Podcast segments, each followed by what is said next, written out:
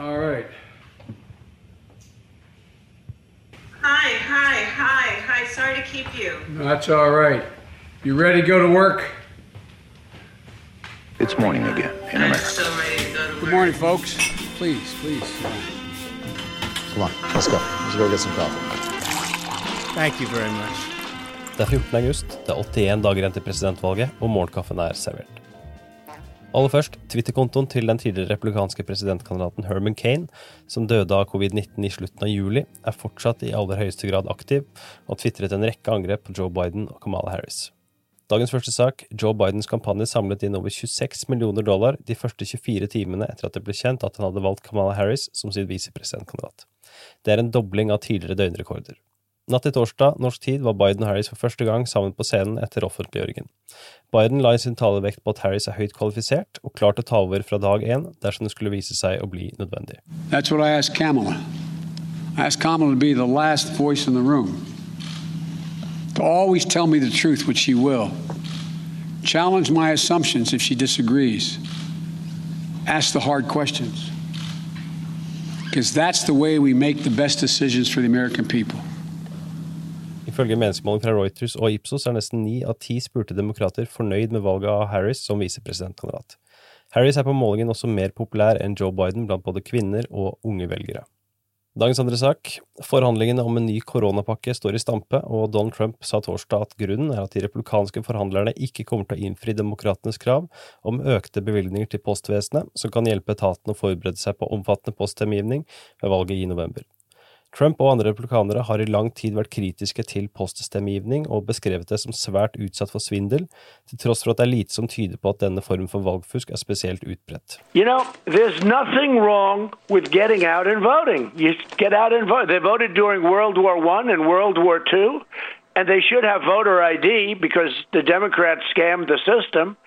But two of the items are the post office and the three and a half billion for mail-in voting. Now, if we don't make a deal, that means they don't get the money. That means they can't have universal mail-in voting.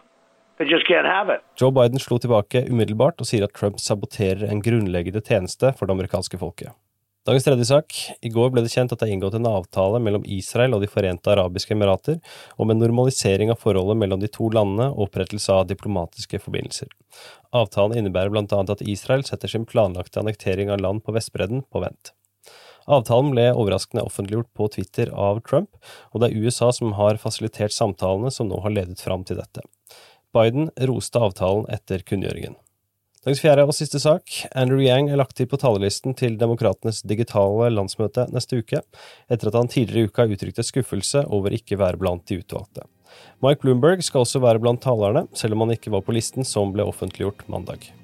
Fredagsutgaven av Morgenkaffen er servert av Sigrid Rege Gårdsvold og undertegnede Are Togoklaten. Du leser mer på amerikanskpolitikk.no, og dersom du støtter oss på patron.com ampol, så kan du også høre en helgeutgave av Morgenkaffen.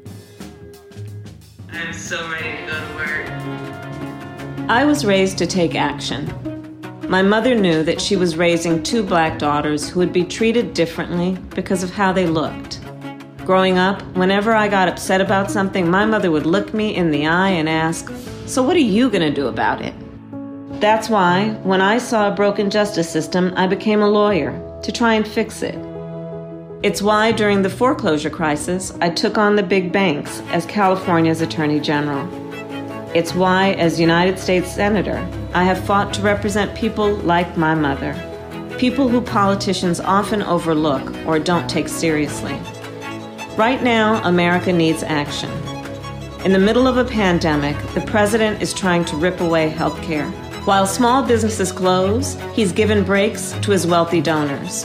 And when the people cried out for support, he tear gassed them. America is in crisis, and I know Joe Biden will lead us out of it. He's a man of faith, decency, and character. He raised his family that way. I saw it firsthand with my good friend Bo. As Joe says, we're in a battle for the soul of this nation. But together, it's a battle we can win. We just have to take action. First of all, is the answer yes? The answer is absolutely yes, Joe, and I am ready to work. I am ready to do this with you, for you. I, I just, I'm just deeply honored and I'm very excited.